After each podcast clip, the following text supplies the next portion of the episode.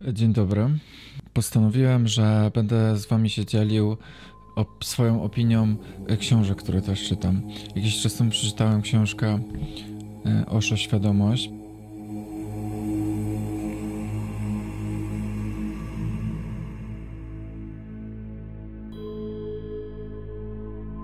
Jest to kolejna książka, którą przeczytałem Osho. Przeczytam ich już trochę, e, więc... Mm, bez więc po prostu chciałbym się podzielić swoją opinią na temat książki, którą niedawno przeczytałem, czyli Świadomość. Dla osób, które nie znają Osho, Osho jest, był właściwie, bo już nie żyje, e, jednym z większych przywódców duchowych, jaki istnieli i chodzili po tej ziemi który mówił, który łączył nauki zachodu ze wschodem, czyli łączył nowoczesną psychologię i nowoczesną naukę z, z nauką Dalekiego Wschodu, z, z mistycyzmem i z buddyzmem tak, żeby dostosować to do potrzeb e, dzisiejszego człowieka. I mimo, że Osho mm, wykładał i mówił e, wiele lat temu, to wciąż jego nauki są adekwatne i słuchając go i czytając e, książki, które zostały napisane przez jego uczniów, bo on nie napisał żadnej książki, on po prostu zostały spisane z jego wykładów, które wykładał przez jego uczniów, to wciąż ma się wrażenie, jakby przewidział przyszłość po prostu, jakby to, co mówił, totalnie wiedział, co się stanie.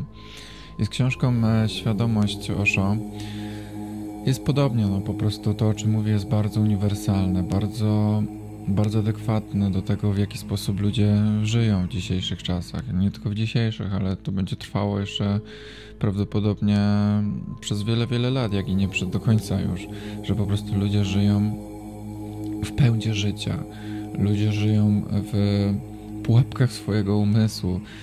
Po prostu na co dzień skupiając się na rzeczach, które nie mają znaczenia. Książka Świadomość jest moim zdaniem taka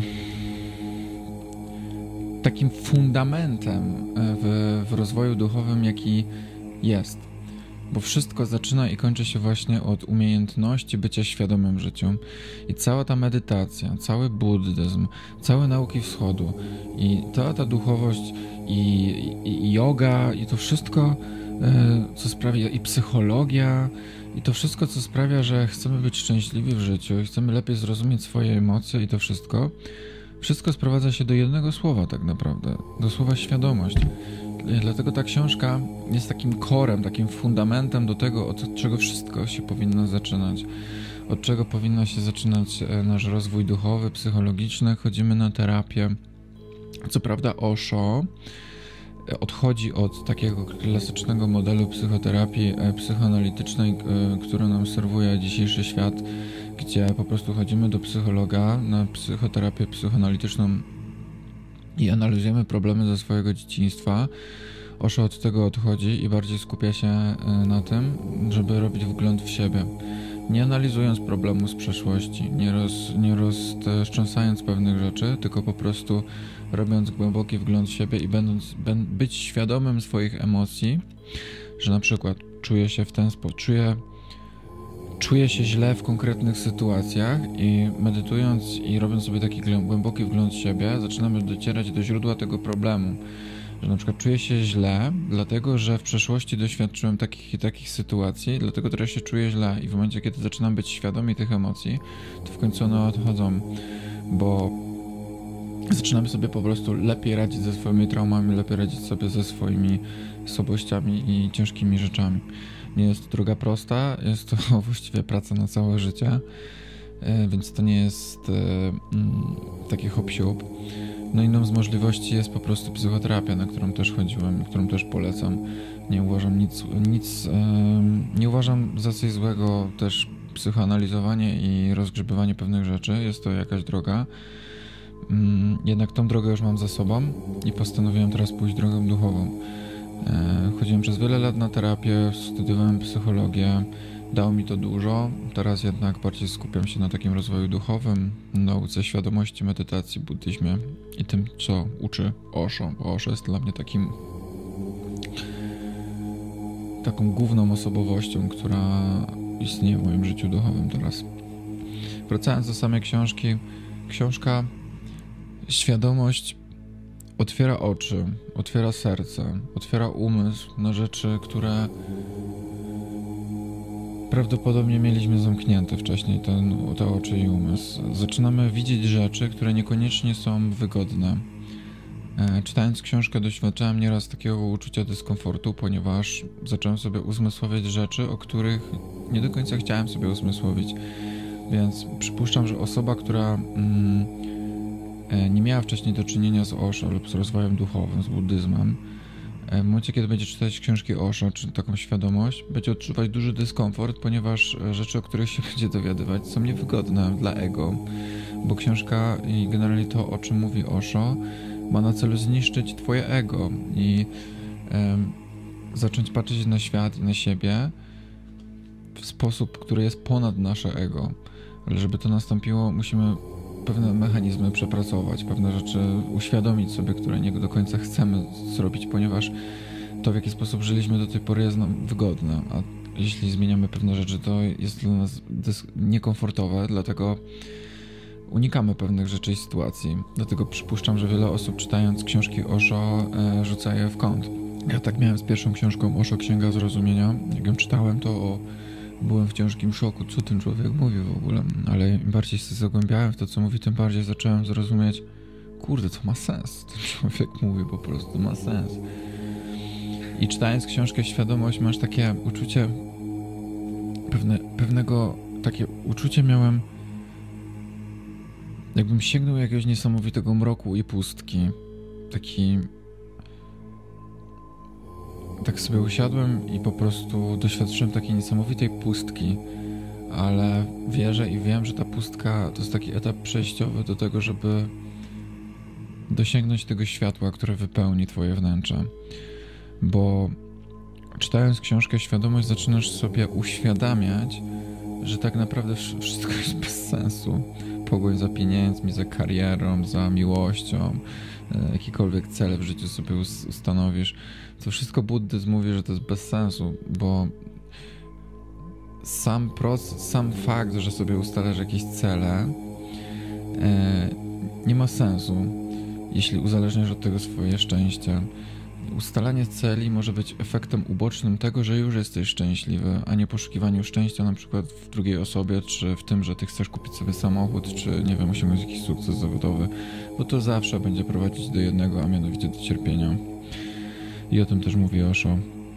I na początku, gdy sobie to uzmysławiasz, jest to bardzo przytłaczające, ponieważ w takim razie, skoro miłość nie ma sensu w takim rozumieniu, że dążenie do tego, żeby z kimś być, czy jakieś tam zdobywania celów, to nic nie ma sensu.